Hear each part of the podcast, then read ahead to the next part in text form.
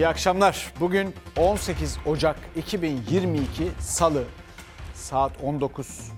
Fox Ana Haber'desiniz. Ben Selçuk Tepeli. Ve bugün etiketimiz aynı hikaye. Ya bunu dediğim için gerçekten üzgünüm.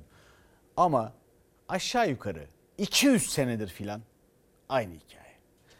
Siz son 10 senesi, son 20 senesi, son 30-40 neyse söyleyebilirsiniz. Bize şikayetlerinizi dile getirebilirsiniz. Biz de burada paylaşırız. Bir tek Mustafa Kemal Gazi Mustafa Kemal Atatürk'ün dönemi var. Gerçekten iktisaden de rakamsal olarak da ayırt edebileceğimiz. Bir de 70'lerde belki Ecevit'ten bahsedebiliriz. Biraz Demirel'den bahsedebiliriz. Ama o kadar zor değil be kardeşim ya. Fark yaratmak o kadar zor değil. Aynı hikaye dememek için bir şeyler yapmak o kadar zor değil. Düşünün bunları. Biz ilk haberimize geçelim. Biliyorsunuz bizim bilim kurulu ve Sağlık Bakanlığı bu e, omikron varyantı ile ilgili olarak bütün müeydeleri, önlemleri şunu bunu kaldırdı. Niye kaldırdı, nasıl kaldırdı?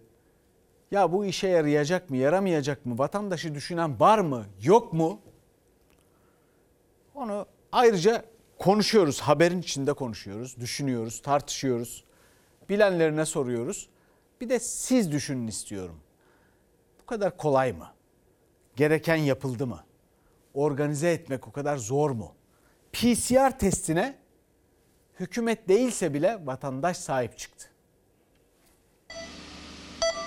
Yoğun bakım Ankara'da da dolu. Delta'daki gibi bütün yoğun bakımları çevirmedik ama COVID için ayırdığımız yoğun bakım dolu. Acilde bekletmek zorunda kaldığımız hastalar var. Ankara ve İstanbul'da hastanelerde yoğun bakımlar tıkanma noktasında aşısızlara test zorunluluğunun kaldırılmasına rağmen 24 saatte 400 binden fazla kişi PCR testi yaptırdı. Test sayısı arttıkça vaka sayısı da yükseliyor. Son tabloda 65 bin sınırında PCR zorunluluğu devam etseydi bu sayı çok daha yüksek olacaktı. Hastanede yatma süreçleri PCR testleri ve aşı ücretsiz şu anda. Salgın uzadıkça uzuyor. Dolayısıyla bir an önce fazlalık olan yüklerden test, e, parasız test kısmından kurtulunmaya çalışıldığı gibi bir hissiyatım var benim de. Uzmanlar omikron nedeniyle salgın hız kazanmışken test sorumluluğu neden kalktı sorusuna yanıt arıyor. Ancak aşısızların kontrolünün bırakılması enfeksiyon hastalıkları uzmanı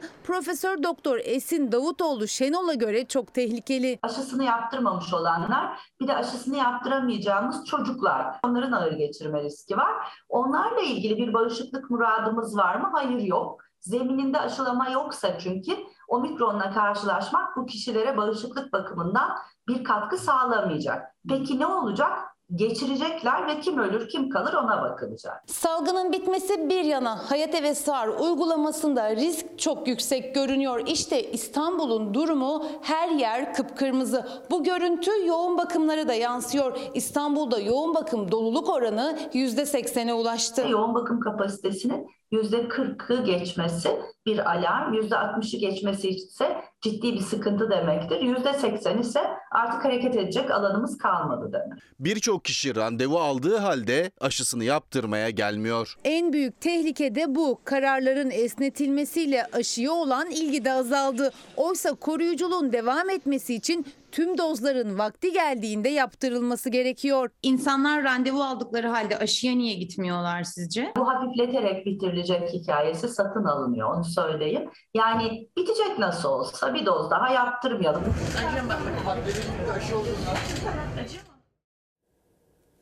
Bu haberi hazırlayan arkadaşım Öznur Aslan. Hayat kolay değil. Çocuk büyütmek.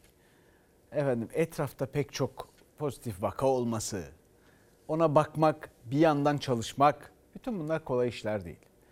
Hepimiz hassasız. Hepimiz aynı şartlarda yaşıyoruz. Fakat benim anladığım kadarıyla bu test konusundaki hassasiyete bakınca ya bu ülkenin seçmeni iktidarından iyi kardeşim.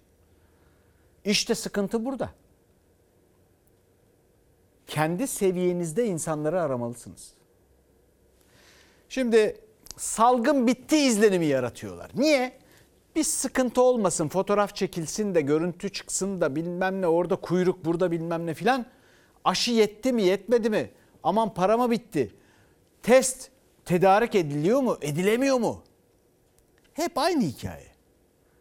Onun için bırak ne uçağa binerken ne şuraya ne buraya giderken abi hiçbir parametre olmasın hiçbir süzgeçten geçme. Sonra uçakta geri adım attılar. Niye attılar? E Çünkü dünyaya uymadı bu. Yani işlerine gelmedi. Yani işler öyle yürümüyor.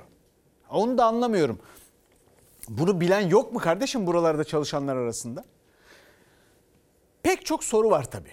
Şimdi bir ülkemizin ürettiği de bir aşı var. Bu aşı ile ilgili de pek çok soru var. Ben pek çok eleştiri dile getiriyorum burada. Ama şunu da söylemem lazım. Aşı konusunda da peşin hükümler yanlıştır. Neden? Bu Turkovak aşısı bir defa yok kimisi diyor ki FDA onayı almadı filan FDA Amerikan İlaç Dairesi. Buralardaki onaylar FDA'den alınmaz. Buralardaki onaylar EMA'dan alınır. Avrupa Birliği'nin kurumudur. İkincisi bu aşı Hacettepe Etik Kurulu'ndan geçmiştir. Dolayısıyla ciddiye alınması gerekir. Üçüncüsü Erciyes Üniversitesi'nde bu konuyla ilgili çalışan insanlar yetkili, bilgili insanlardır. Peşin hükümler en azından benim haddim değildir. Fakat Sağlık Bakanlığı'nın ve hükümetin ve bilim kurulunun aldığı her şeyi serbest bırakalım, bırakınız yapsınlar, bırakınız geçsinler kararları da doğru değildir. Böyle şey olur mu ya? Böyle şey olur mu? Niye insanları tedirgin ediyorsunuz? Niye bu ülkeyi dışarıyla iliş, ilişkilerinde, ticari ilişkilerinde de önlemlerde yeterince hassasiyet göstermediğiniz için zor duruma düşürüyorsunuz. Bunu bir kere daha gözden geçirin derim. Devam edelim. İç siyasete geliyoruz şimdi. İç siyasette bir ne bileyim galiba bir ceyran yaptı, bir şey yaptı filan bir elektrik tartışması var. O elektrik tartışması bir de bedava elektrik tartışması. Ara ki bulasın.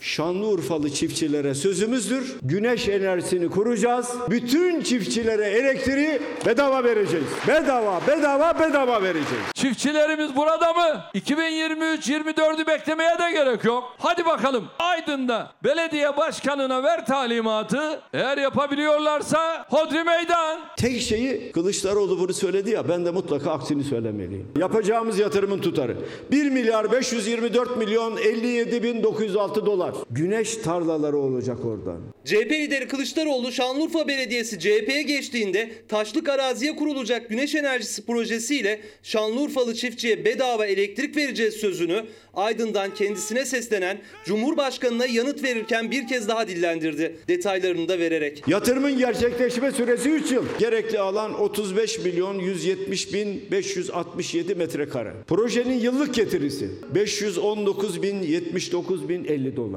Amorti süresi 4,5-5 yıl. Bütün masraflar çıkıyor. Elektriğin şu anda yönetimi kimde? Belediyelerde mi? Ya elektriğin yönetimi bizde bizde. Enerji ve Tabii Kaynaklar Bakanlığı'nda Bay Kemal sen bunu da bilmeyecek kadar cahilsin ya. Dünyadan haberi yok. En azından kendi belediyesi Şanlıurfa. Akçakale'de güneş enerjisi elektrik üretilecek. Yani çalışıyorlar şu anda. Ama haberi yok. Yapamazlar, veremezler. Meydanlarda söyledikleri hemen parantez açıyorum. Namus sözleri gibi bunu da hayata geçiremezler. Erdoğan artık konuşmanın bir anlamı yok. Gittiğim hiçbir yerde zorunlu olmadıkça ne Erdoğan'ı ne de partisini konuşacağım. Samimi bir şekilde buraya ben barışmaya geldim, helalleşmeye geldim diyeceğim ve diyeceğiz. İki lider arasında Şanlıurfalı çiftçiye bedava elektrik polemiği devam ederken Kılıçdaroğlu'ndan dikkat çeken bir çıkış geldi. Erdoğan'ı konuşmamaya karar verdim dedi. Bahçeli'nin hedefinde ise CHP liderinin önceki hafta grup kürsüsünde kurduğu sözler vardı. Kılıçdaroğlu milliyetçilik üzerinden Bahçeli'ye çatmıştı. Bankaya 500 bin dolar para yatırırsan sana Türkiye Cumhuriyeti vatandaşlığı vereceğim diyor. 500 bin dolara vatandaşlığı satıyorsun ya. E hani siz milliyetçiydiniz? Hani siz ülkücüydünüz? Bu Bahçeli'ye kapak olsun. Biz şişe veya tencere değiliz ki kapak bizi bulsun. Kapak bizimle buluşsun. Sen kendine bak. Başına geçirdiğin gazoz kapaklarını teker teker saymalısın. Bir yanda Kılıçdaroğlu, diğer yanda Cumhur İttifakı ortakları. Bedava elektrik ve kapak polemikleri sözlere böyle yansıdı. Şimdi bir yazar var. Bana kalırsa ilk beş içindedir insanlık tarihinde. Victor Hugo. Diyor ki kuşkusuz saflar yanılıyor. Ama mantıklı düşünenler de pek haklı sayılmaz. Şimdi bu hikaye biraz öyle bir hikaye. Hiç kimse de tam olarak doğru yerinden ele almıyor. Şimdi bir kere bakıyorum Aydın'da konuşma yapıyor Cumhurbaşkanı Erdoğan. Diyor ki ya bedava elektrik sözü verdin ver o zaman bedava elektriği. Her yerde bunu söylüyor. Sonra da diyor ki iki cümle sonra iki cümle sonra arada geçse geçse ne bileyim 3 dakika falan geçmiştir. Diyor ki ama veremez niye yetki bizde. Ya bu muteber bir şeyse yani bedava elektrik vermek yani rakibini eleştirebileceğin bir şeyse ve yetki sendeyse ve bunu ifade ediyorsan Cumhurbaşkanı Erdoğan hükümetin başında o zaman bedava elektriği ülke genelinde sen vereceksin. O zaman bunu yap. Öte yandan başka bir mesele var. Bedava elektriği Kemal Kılıçdaroğlu nasıl verdi? Dedi ki ya yeni bir proje yapacağız. Güneş enerjisi şu bu. Oradan elektrik üreteceğiz falan filan. Onu da nasıl yapacak? O da ayrı hikaye. Fakat bütün bu tartışmalar nereden çıkıyor biliyor musunuz? GAP bitmedi. GAP arkada görüyorsunuz fotoğrafı. GAP bitmedi. Yani bu memleketin aşağı yukarı 40 yıllık projesi, 30 yıllık projesi. Sulama kanalları bitmedi. İnsanlar orada artezyen kuyusu kazıyorlar. Su çıkarıyorlar, elektrik kullanıyorlar. GAP sözü verdin mi? Verdin. Sulama sözü verdin mi? Verdin. Yerine getirdin mi? Getirmedin. Peki 20 yıldır ne yapıyorsun kardeşim? 20 yıldır ne yapıyorsun? Şimdi 2023'te bitecek diye bu kanallar bir planlama, bir proje varmış, bir şey varmış. Yani inşallah biter. Fakat buradan bir şey söylemek istiyorum. Bana kalırsa ben iyi bir gazeteci sayılmam. Hatta gazeteci bile değilim ama bu gazetecilik denen ve bunun yapıldığı yerlerde önemli bir cevher vardır. Önemli bir maden vardır. O da arşivdir. Bakın burada bu ülkeyi yönetenleri uyarıyorum. 10 yıllık arşivler, 5 yıllık arşivler neyse verilen sözlerin kaydedildiği yerler. Bunları yarın öbür gün çıkaracağız. Kim ne zaman nerede ne türden sulama sözü vermiş, elektrik sözü vermiş, çiftçiye söz vermiş, işçiye söz vermiş. Çıkaracağız bunları.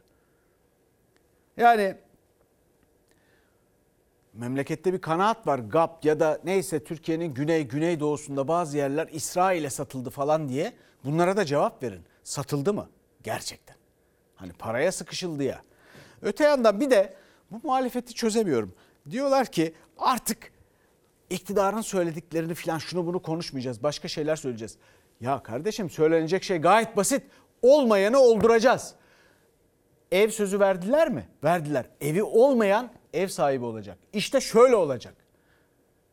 Veya başka ne hayali varsa insanların ki emin olun çoğunluğumuz hayallerinin yanından bile geçemedi. Kimse niye diyemiyor ya ve planıyla projesiyle nasıl ortaya koyamıyor kardeşim? Olmayanı olduracağız diyebilen var mı? Devam edelim. İstanbul'da bir tartışma var biliyorsunuz. Metro hattı polemiği, yeni projeler var. O projelerin harekete geçmesi, yapılabilmesi, gerçekleştirilebilmesi için bir imzaya ihtiyaç var. Bu ülkede hakem tayini için bile Cumhurbaşkanı Erdoğan'ın bir şey söylemesi lazım. Onu anlıyoruz yani. Şu günkü sistemde Cumhurbaşkanlığı hükümet sistemi ya da sizde yiyip içelim bizde gülüp geçelim sistemi ya da sen ben bizim oğlan sistemi neyse Onda hakem tayini için bile lig maçlarında, Süper Lig maçlarında filan. Cumhurbaşkanı Erdoğan'ın imzasına sözüne ihtiyaç var. Ya para hazır. Proje hazır. Cumhurbaşkanı Erdoğan hazır değil. Şimdi ondan beri de bu tartışma ortaya çıktığından beri de herkes üstüne bir şeyler söylüyor. Hep aynı hikaye. Peki İstanbul'un belediye başkanı Ekrem İmamoğlu ne demiş? İstanbul'a ihanet edenleri deşifre ederiz, akıllarını başlarından alırım. Bütün memlekette bekliyor. Vakit kaybetmeye ne gerek var? Bana bütçe dersi vermeye kalkmasınlar, akıllarını başlarından alır. Akıllarını başlarından alır. Onun için İlk kez ve çok sert konuştu İstanbul Büyükşehir Belediye Başkanı Ekrem İmamoğlu. Cumhurbaşkanlığının 2022 yatırım planına alınmayan yeni metrobüsler ve Erdoğan imzalamadığı için hala onay bekleyen metro hattı ile ilgili konuştu. İmamoğlu da Kılıçdaroğlu da kişisel karar vurgusuyla hizmet engelleniyor dedi. kişisel ihtirası, kişisel kıskançlığı yani İstanbul'a dair kıskançlığı olan bazı insanların bir hizmeti engelleme yönünde yaptığı e, kötülüğün bundan daha somut bir örneği olamaz. Ki yaptıkları hiçbir iş yok. Bırakın yeni iş yapmayı. Devam eden işleri bile yürütemiyorlar. Senin yıllardır çözemediğini belediye başkanımız çözecek. Niye kıskanıyorsun ya? Kime e, cezalandırıyorsunuz? Ekrem İmamoğlu'nu değil ki. Beni ancak üzersiniz, beni değil. 16 milyon İstanbulluyu cezalandırıyorsunuz. Yeni metrobüsler içinde metro hattı içinde İstanbul Büyükşehir Belediyesi finansman buldu, projeleri hazırladı. Ancak onay çıkmadı. İktidar sahipleri belediye başkanlarımızın elini kolunu bağlamak istiyor. Metro hattı yapacak İstanbul. Finansman altyapısını da oluşturmuş. Bütün sözleşmeler tamam. İstanbul'un trafik sorununu çözmek istiyor ama bir kişi ben imza atmam diyor. Kıskanıyor belediye başkanlığı. Niye kıskanıyorsun ya? Sıkıntıya uğramış olduk. Ne için? Bir imza. O bir tane imza. Kitap imzalamaya benzemez. Bu başka bir şey. 16 milyon insan etkileniyor. Utanmadan engelleniyoruz yalanıyla beceriksizliklerini örtmeye çalışıyorlar. Ben buradan e, en üst e, tonda çağrımı ve uyarımı yapıyorum. E, İstanbul halkına ihanet eden yöneticileri tek tek deşifre ederiz. Kim olursa en tepesinden en altına kadar kim olursa. Ulaştırma Bakanlığı'ndan onaylanmayan metro hattına ilişkin belgeler eksik açıklaması geldi. İmamoğlu ise sözlerini başladığı gibi sert tonda bitirdi. Biz halka hizmet ediyoruz. Yarın kimin nerede olacağı belli değil. Bu makamlar gelir geçer. Esas olan millete hizmettir. Bugün ben belediye başkanıyım, yarın başkası. Bugün birisi cumhurbaşkanı, yarın bir başkası. Akıllarını başlarına devşirsinler. Zaten gidiyorlar, bari güzel gitsinler. Bari güzel. Efendim bir sonraki habere geçiyorum.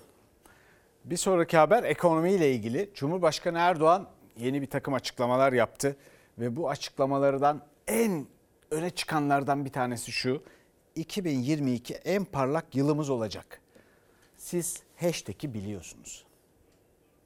Merkez Bankası'nın faizini düşürdüler. 5 puan düştü. Güzel. Faizde de artık düşüşler başladı. Bunu da aşağıya çekeceğiz. Bu da ekonomideki şartlara göre şekillenecek. Madem Merkez Bankası faiz düşürdü, devlet borçlanırken faiz düştü mü? 2 yıl vadeli devlet iş borçlarına tahvili. %17'den %24'e çıkmış vaziyette. Sormak lazım hani faiz düşmüştü. 5 yıllık devlet iş borçlarına tahvili. %17'den %26'ya çıkmış durumda. Cumhurbaşkanı Erdoğan Arnavutluk dönüşü uçakta verdi. Ekonomi mesajlarını %14 olan Merkez Bankası politika faizinin daha da düşeceğini söyledi. Kılıçdaroğlu hazine borçlanma faizi vatandaşın bankalardan çektiği kredilerin faizleriyle yanıt verdi. Merkez Bankası'ndan %14'ten alıyorsun, %24'ten devlete satıyorsun. Hani düşmüştü? Hani devlet de az faiz ödeyecekti? Hani nas vardı?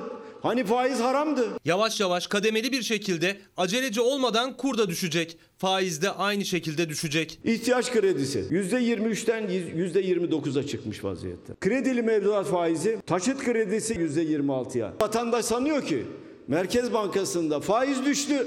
Bütün bankalarda faiz düştü. Tam bir aldatmaca. Benim bir iddiam var. Faiz sebep, enflasyon neticedir. Nitekim de neticesi kendini gösteriyor. Enflasyon düşüşe girmiştir, girecektir. Faiz 14'e düşürüldü ama enflasyon yüzde 36'yı geçti. Böyle giderse 3 haneye de ulaşacaklar. Muhalefet faiz indirimi aldatmacı derken Erdoğan faiz düştükçe enflasyonun da düştüğünü ve daha da düşeceğini söyledi. Ama Merkez Bankası'nın Eylül ayından Aralık ayına faizi 5 puan düşürmesine rağmen aynı dönemde enflasyon 16,5 puan arttı. 19,58'den 36,08'e çıktı. TÜİK'in rakamına göre de son 19 yılın en yüksek enflasyonunu yaşıyor Türkiye. Enflasyonun gerilemesini beklemek milletimin hakkıdır. Bizim de hedefimizdir ve bunu zaten başaracağız. 2022 bizim en parlak yılımız olacak inşallah. 2023'e de zaten böyle gireceğiz. Bu enflasyonun da düşüşünü getirir. Enflasyon düşecek. Sadece ve sadece Aralık ayında yaktıkları döviz 17 milyar dolar ya. Oradan buradan 3-5 milyar 10 milyar toplayacağım diye uğraş uğraş. Koskoca Türkiye'nin Cumhurbaşkanı Körfez ülkelerinden swap anlaşmalarıyla borç dilenir duruma düştü ya. Ülkemiz ekonomide de Şampiyonlar Ligi'nin bir parçası haline getirmekte azimliyiz. Bir de ne diyor? Şampiyonlar Ligi'den bahsediyor ya. Gizli gizli Merkez Bankası'nın arka kapısından döviz satıyorlar. Açıkça söyleseniz ya. Evet yeni program açıklıyoruz. Bu programı açıklarken de kur biraz düşsün diye döviz müdahalesi yapıyoruz diye açıklayın. Merkez Bankası Nisan ayında yapacağı olan genel kurulunu Şubat ayına almış. Erken genel kurulu yapıp 60 milyar lira hazineye verecekler. 30 Aralık 2021 günü Merkez Bankası bilançosu eksi 70 milyar lirayken 31 Aralık'ta 60 milyar lira kâra geçmişti. Bir gecede 130 milyar liralık oynamayı muhalefet para basılacak diyerek açıklamıştı. O 60 milyar liralık kar hazineye Şubat ayında yapılacak olağanüstü genel kurulda aktarılacak. 60 milyar lira Türkiye Cumhuriyeti Devleti için büyük para değil. Önemli olan 60 milyar liraya muhtaç hale gelen bir hazinedir. Ya geçen hafta dedik. Şimdi Merkez Bankası rezervi yükseliyor filan diyorlar. Rezervin nasıl yükseldiğinin önemi yokmuş gibi konuşuyorlar. Aynı hikaye. E şimdi ortaya çıkıyor 5 Merkez Bankası'nın açıklaması 17 milyar dolar satılması. Memleket insanının parasından bahsediyorum. Bu ülkenin insanının dişinden tırnağından arttırarak 10 yıllardır çalışarak bu ülkeye değer katarak biriktirdiği paradan bahsediyorum. Bunun başına bunu idare edebilecek insanlar koyacak mısınız, koymayacak mısınız kardeşim? Ya bu ülke ufak tefek bir ülke değil. Bu ülke dünya tarihini etkilemiş, değiştirmiş bir ülke. Türk milleti gidecek tırıvırı körfez ülkelerinden para mı isteyecek yani? Sıvapmış bilmem neymiş. Yerim o kül, körfez ülkelerini ya. Bu nedir ya? Bu nasıl bir kepazeliktir ya? Şimdi yeni modeller, işte yeni bir takım projeler varmış Türk lirasına ilgiyi arttırmak için. Bakar mısınız? Türkiye Cumhuriyeti Devleti'nin Cumhurbaşkanı diyor ki Türk lirasına ilgiyi arttırmak için yeni bir takım projelerimiz var. Nedir mesela şu andan sonra bir Türk lirası alana bir Türk lirası bedava mı vereceksiniz? Ne yapacaksınız yani? Nedir yani?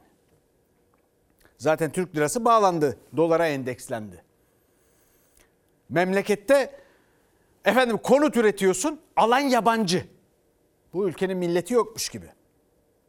Memlekette iş veriyorsun, ucuza çalışıyor diye kontrolsüz, yasa dışı içeri kabul ettiğin göçmen, çalışan. Efendim memlekette işletme, şirket bilmem ne bu cumhuriyet 100 yılda üretmiş özel şirketler, kamu şirketleri satmışsın yabancılara. 3 kuruşa, 5 kuruşa. Şimdi bakın biz burada söyleyemiyoruz bu isimleri. Hangi şirketler satılmış kamuda ve özel sektörde? Özel sektör hiç gündeme gelmiyor. Sanki bir sürü vergi avantajından şundan bundan faydalanmamışlar gibi haraç mezat satmışlar. Para nerede o da belli değil. Arkadaş sattıysan parayı bir yere koydun. Nerede o para? O patronlar paraları nereye götürdü kardeşim? Nereye götürdü o paraları?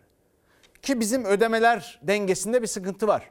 Haraç mezat para arıyoruz. Nerede o paralar? Bu ülkenin zenginleri, patronları, şirketleri avantaj sağladığın vergi avantajı, kredi avantajı, kredi alıp Ziraat Bankası'nda şuradan buradan medya sahibi, başka şey sahibi olanlar var. Gitti İtalyan'a sattı, şuna sattı, buna sattı. Para nerede? Para. Nerede para? Yok. Aynı hikaye. Peki devam edelim. Bütün bunların gölgesinde memleketimizin insanı, vatandaşı, emeklisi, bilhassa emeklisi sıkıntılar içinde yaşıyor. Bir zam yapıldı. Zamla ilgili bir sürü laf edildi. Şu oldu, bu oldu. O zam belki de katıyla geri alındı yapılan yani maaşa yapılan zam vergiye aldığı gıda ürününden başka şeylere her şeye yapılan zamla geri alındı. Zaten daha eline geçmeden maaş zammı emekliye ilaç olmadı. Zamlı maaşı aldınız mı? Aldık. Geldiği gibi gitti. Zaten gelmeden gitmişti de geldiği gibi de gitti yani. Geçinsek zaten burada bu işleri yapmayız. Bak dolaşıyoruz gene biraz bir şeyler satalım diye. Ne satıyorsunuz? Nane şekeri, yara bantı, tırnak makası. Kaç yaşındasınız? 70. Günü gelen emekli zamlı maaşlarını almaya başladı ama faturaları karşılamaya bile yetmedi. Nane şekeri satan 70 yaşındaki Yaşar Ersen gibi emeklilerin geçim derdini bitirmedi. Geçinsek çalışmaz. Niye bu, bu soğukta gider otururum evinde. Nane şekerinden ne kadar kazanıyorsunuz? 50 kuruş alıyoruz 1 liraya satıyoruz. Günde 35, 40, 50 de olmuş oluyor yani. O da ekmek parası. En fazla en fazla. Cumhurbaşkanımız diyor ki kimse aç kalmadı. Evet kalmaz bu memleket. Ben mesela kiramı sıkıştığım zaman kirayı vermekte açmaktan, aç kalmaktan daha beterdi. Ben aç kaldığımı bir, bir vatandaştan derim ki bana bir ekmek parası ver verir. Emekliler yeni yıla %25,5 maaş artışıyla girdi. En düşük emekli maaşı 2500 lira oldu. Ancak aylıklarına gelen zam faturalara gıdaya gelenin çok altında kaldı. Geçen gelmişti 125 bin lira, bu ay gelmiş 225 bin lira alatırık. Bak iki ekmek için iki saattir bekliyoruz. Burası İstanbul Kadıköy'de halk ekmek kuyruğu. Kuyrukta bekleyenlerin pek çoğu emekli ve onlar birkaç tane ekmek alabilmek için bu soğukta dakikalarca bekliyor. Yarım saattir bekliyoruz. Fırında 3,5 lira. Burada 1,250. Kim ister ki burada soğukta beklemeyi? Verdiğine nedir ki zaten verdiğini aldı götürdü. Bize yüzde 25 dedi.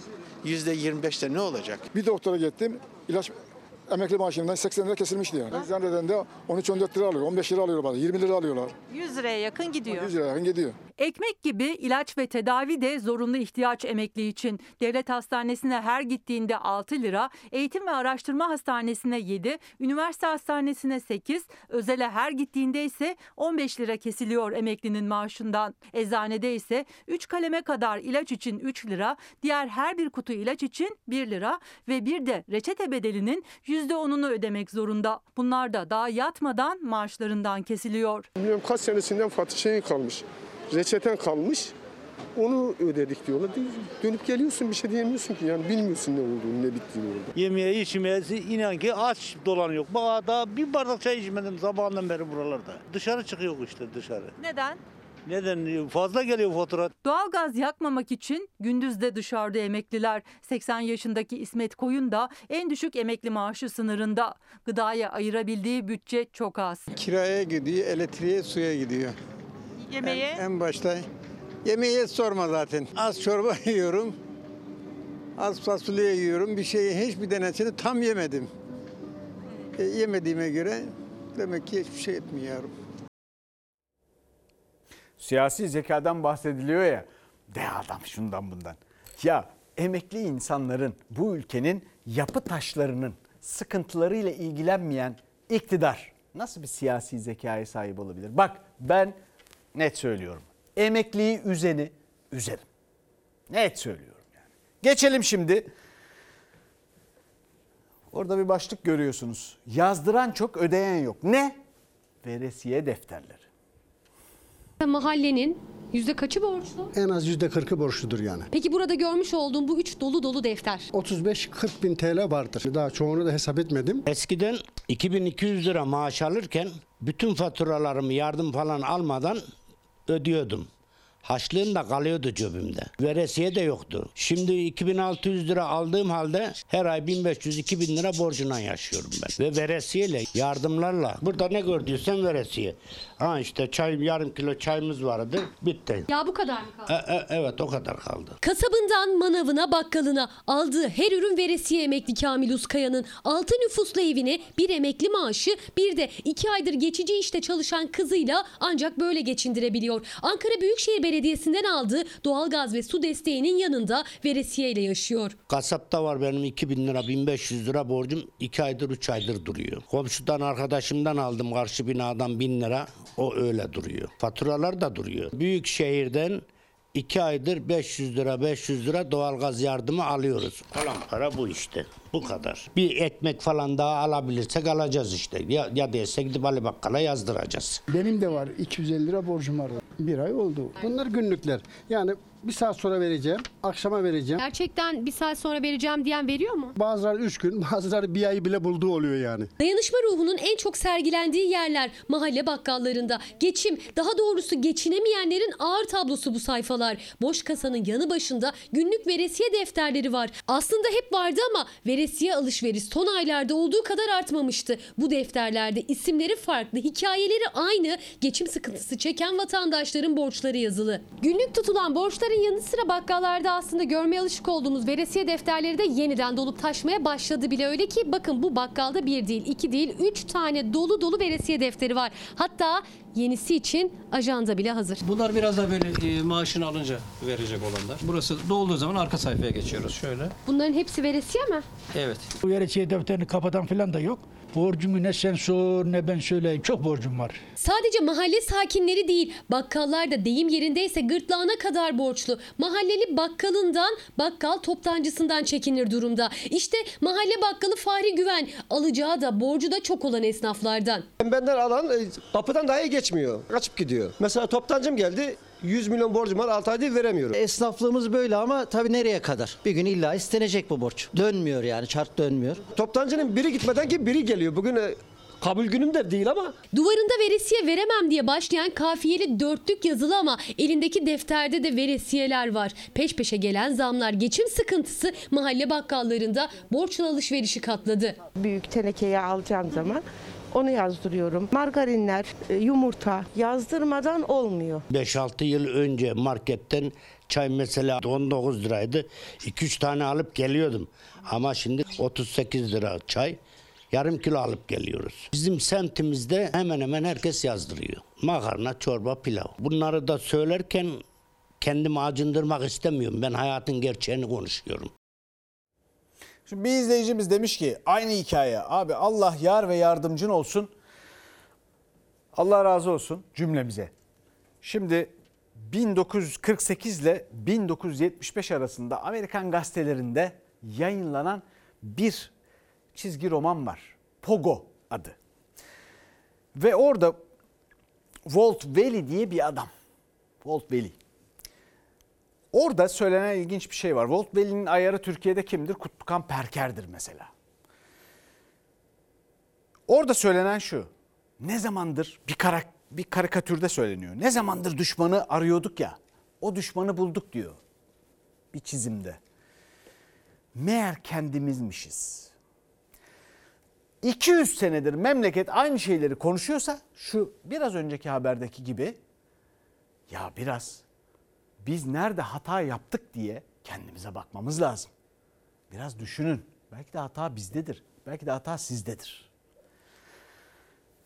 Bu arada da tabii öyle telafi edilemez sıkıntılar ortaya çıkar ki mesela bugünkü gibi yerli milli diye ortalığı ayağa kaldıran insanlar bu ülkenin Türk milletinin yüce Türk milletinin yeni nesillerinin beslenip beslenmemesine hiç bakmazlar. Aynı hikaye. Ya bu ülkenin çocukları şu anda proteinsiz büyüyor. Eşim şu an çalışmıyor iki aydır evde ve ben kiracıyım iki tane çocukla. İnsan ister ki çocuğuna her şeyi yedirebilsin ama olmayınca ne yapacaksınız? Et alamıyoruz ki zaten inan ki alamıyoruz. Bir gün veriyorsak bir gün vermiyoruz çocuklarımıza. Yemeleri gerekiyor.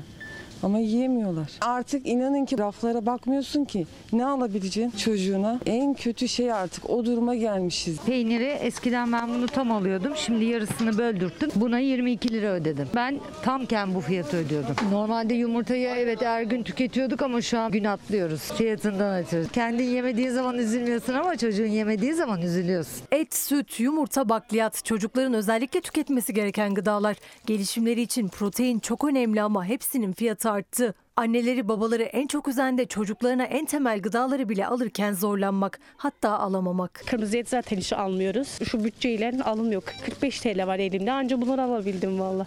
11 yumurta almışım mesela. 4 günde bitiyor. Onlar yesinler diye biz bırakıyoruz onlara. Biz yemiyoruz. Yumurtayı kaynatamıyoruz ancak tavada yapabiliyoruz. Kaynamayı yaparsak zaten hiç yetişmiyor. Çocukların beslenmesinde protein ağırlıklı gıdaların önemi büyük ancak yüksek fiyatlarından dolayı çoğu aile bu temel gıdaları bile almakta zorlanıyor. Örneğin yumurta. Günde bir yumurta tüketen çocuk için ailenin eve alması gereken bu 30'luk bir koli yumurtanın fiyatı 42 lira. 30 tane yumurta alacaksam 10 tane alıyorum.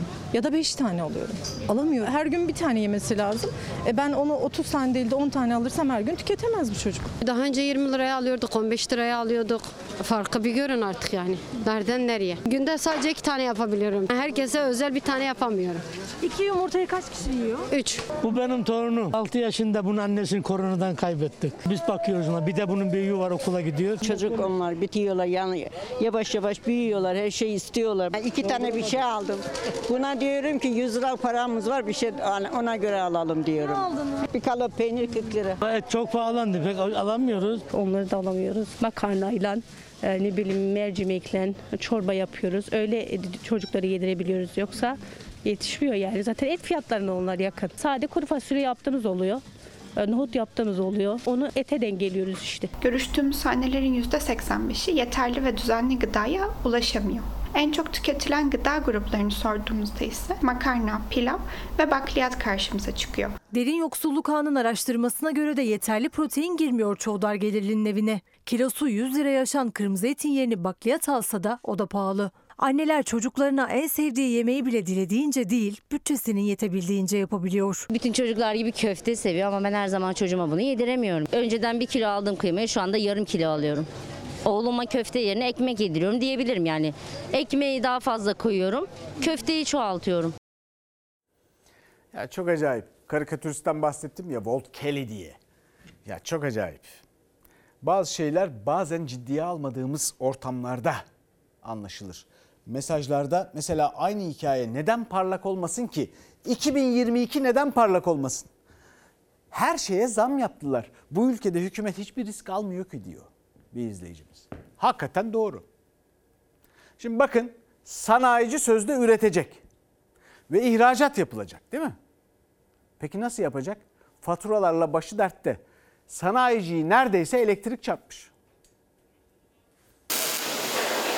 En son gelen fatura şu anda çok yüksek. Uykularımızı kaçıracak kadar 14.200 küsür lira gelmiş. Ocağın 10'una kadar. Elektrikte %127'lik zamlı tarifenin 10 gün yansıdığı fatura. Zammın tam yansımamış hali bile uykularını kaçırıyor sanayici Ezgin Durhan'ın.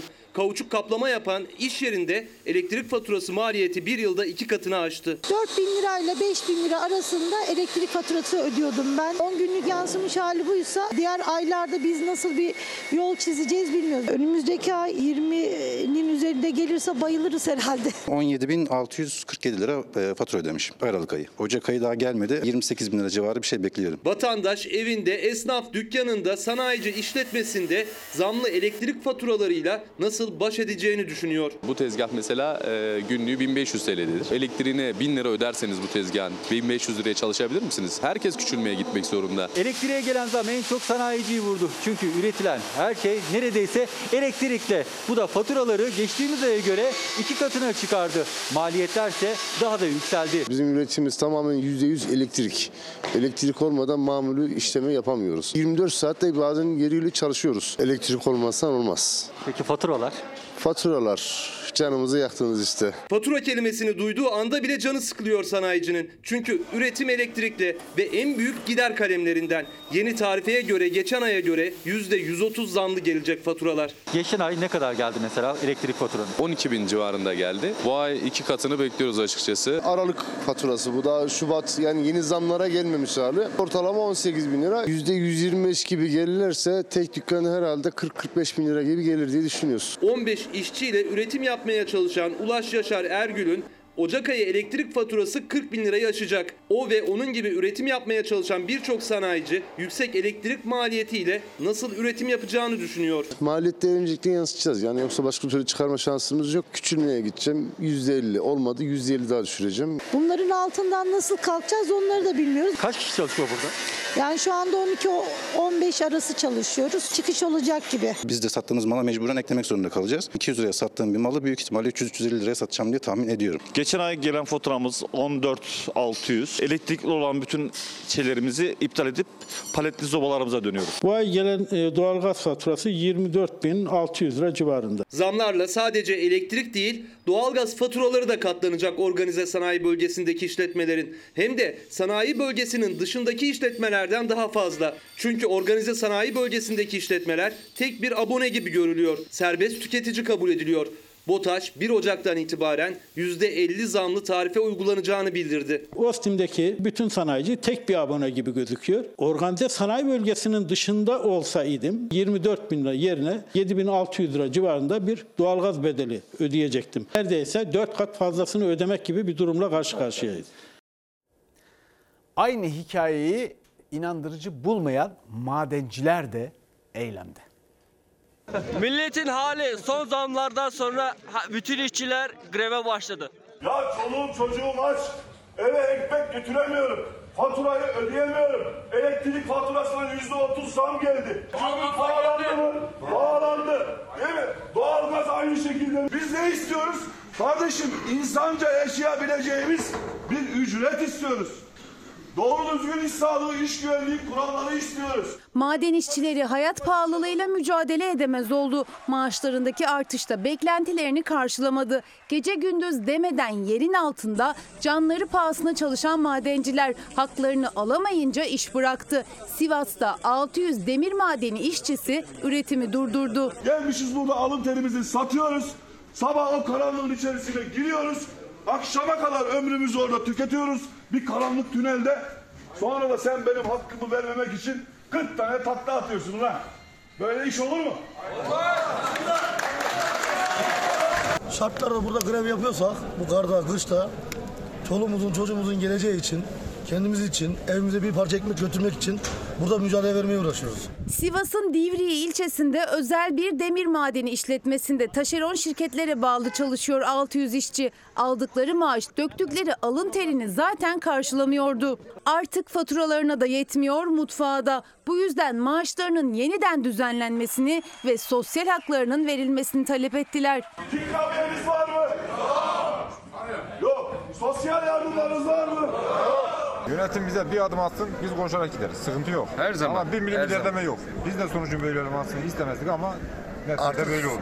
Gittiği yere kadar gidecek. Uzlaşma bir yana iddiaya göre şirket taleplerine karşılık işten çıkarma tehdidinde bulundu. Kayseri'den işçi taşıyacaklarını söylediler. Bunun üzerine taşeron işçiler kazmayı küreği bıraktı, eylem yapmaya başladı. Bir ton kömür olmuş 5,5 milyar. Bir işçi alıyor 3,5 milyar nasıl geçirecek? Kardeşim biz buranın halkıyız. Burada biz sömürülüyoruz. Yaşayamıyoruz, geçinemiyoruz. Bizim taban maaşlarımız, arkadaşlarımızın maaşları hep düşük olduğu için geçinemiyoruz. Bizler istediğimiz hakların verilmesini istiyoruz. 24 tane madde sunmuşuz. Bunlarla pazarlığa oturmasını bekliyoruz. 50 yıl aradan sonra ilk kez bölgedeki madende üretim durdu. İşçiler %51 zam ve her ay 1000 lira seyyanen ek ödemeyle birlikte yemek ücretlerinin de artırılmasını istiyor. Bu talepler yerine getirilmeden işbaşı yapmamaya kararlılar. Kar demeden, soğuk demeden eylemlerini sürdürüyorlar. Burada bu millet soğukta, karda, kışta ayaklarımız başımız olarak iki gündür grev yapıyoruz. Aç susuz. Allah onların yardımcısı olsun. Bir yandan da Allah kadınların yardımcısı olsun. Kadın cinayetleri sürüyor. Onlar da seyretmeye devam ediyorlar. İnşallah bir şey olmaz. Cumhuriyet Başsavcılığımıza iletmişti. Bunu o zaman almadılar. Ha şimdi de burada kızımız. Son söz Özlem abla beni kurtar oldu. Kurtaramadım gücüm yetmedi. Kollarımda can verdi. Son anlarında yanında olan arkadaşı kurtaramadı onu. Ama belli ki daha önce de alınması gereken tedbirler alınmamıştı. 25 yaşındaki Canan Işık'ı boşanma davasına bir gün kala iki çocuğunun babası sokak ortasında bıçaklayarak öldürdü. 6 yıldır evlidir. 3 yılı normal geçti. 3 yılı da hep şiddet, dövüş, kavga, e, darp raporunu aldı. Bir sene bundan önce aynı bu zamanlarda kızımı darp etti. Darp raporu var. Darp raporu aldı, şikayetçi oldu ama bir kadın daha korunamadı. Boşanma davası açan Canan Işık mahkemeden bir gün önce Adıyaman'da eşinin bıçaklı saldırısında hayatını kaybetti. Işık davanın sonuçlanmasının ardından Kars'a baba evine gidecekti ama ne yazık ki cenazesi gönderildi. Bugün de mahkemesi vardı işte ayın 18'inde. Düneyinde vurdu kızımı işte katletti. Bugün de işte cenazesini götüreceğim. Mahkemem sonuçlansın ben bırakıp geleceğim zaten diyordu. Ve mahkeme gününe bir gün kala vurdu katletti. İlk parası yatmıştı. Çok seviniyordu. Yemek yedik, güldük. iki çocuğuyla beraber eğlendik. Boşandıktan sonra kendi ayakları üzerinde durabilmek için iş bulmuş, çalışıyordu 25 yaşındaki Canan Işık. Öldürülmeden önceki günde ilk maaşını almış, saldırıya uğradığı anda da yanında olan arkadaşı ve iki çocuğunu yemeğe çıkarmıştı. Altı bıçak ne demek? Altı bıçak karın boşluğuna vurmuş, altı bıçak da sırtını sapmış. Artık buna bir dur desin. Niçin vurdunuz eşinize? Genç anneyi hayattan koparan 28 yaşındaki Mahmut Işık tutuklandı. Canan Işık'ın acılı babası ise artık yeter dedi. Ne söyleyeyim her gün her gün kadın şiddeti. Artık kadına şiddete dur diye. En ağır cezayı alsınlar. Kadınlara aynı işe yarı maaş veriyorsunuz. Onu dile bile getiremiyoruz. Çünkü biz kadınlarımızı hayatta tutamıyoruz. Oysa insanlık bir bin yıl daha görecekse dünyayı, insanlığı kadınlara bırakmamızın vakti geldi. Erkeklerin getirdiği nokta buydu. Ama aynı hikaye. Efendim şimdi bir ara vereceğiz. Sonra bir dakika bölümünde devam edeceğiz. Türkiye Mimar Mühendis Odaları Birliği Ziraat Mühendisleri Odası bana bir ödül verdi geçen hafta. Teşekkür ederim. Çok ödül ve övgü insanı olmadığımı daha önce söylemiştim. Dolayısıyla genellikle hakkını verecek kadar teşekkür edemem. Ama onlarla çok güzel dertleştiğimizi söyleyebilirim. Ziraat mühendisleri diyorlar ki bu ülkenin tarımda, ziraatte ölçeği, modeli yanlış. Bize izin verilse, emir verilse, talimat verilse değil, izin verilse 6 ayda bunu hallederiz diyorlar. Kulak verin. Çok teşekkür ederim tekrar. Bizden sonra evlilik hakkında her şey var. Yeni bölümüyle. Bugünlük iyi akşamlar. Kuzusuna kurdu da Yunus'una Emrah'a Bütün alem kurban benim yurduma Lay lay lay lay lay lay lay lay La la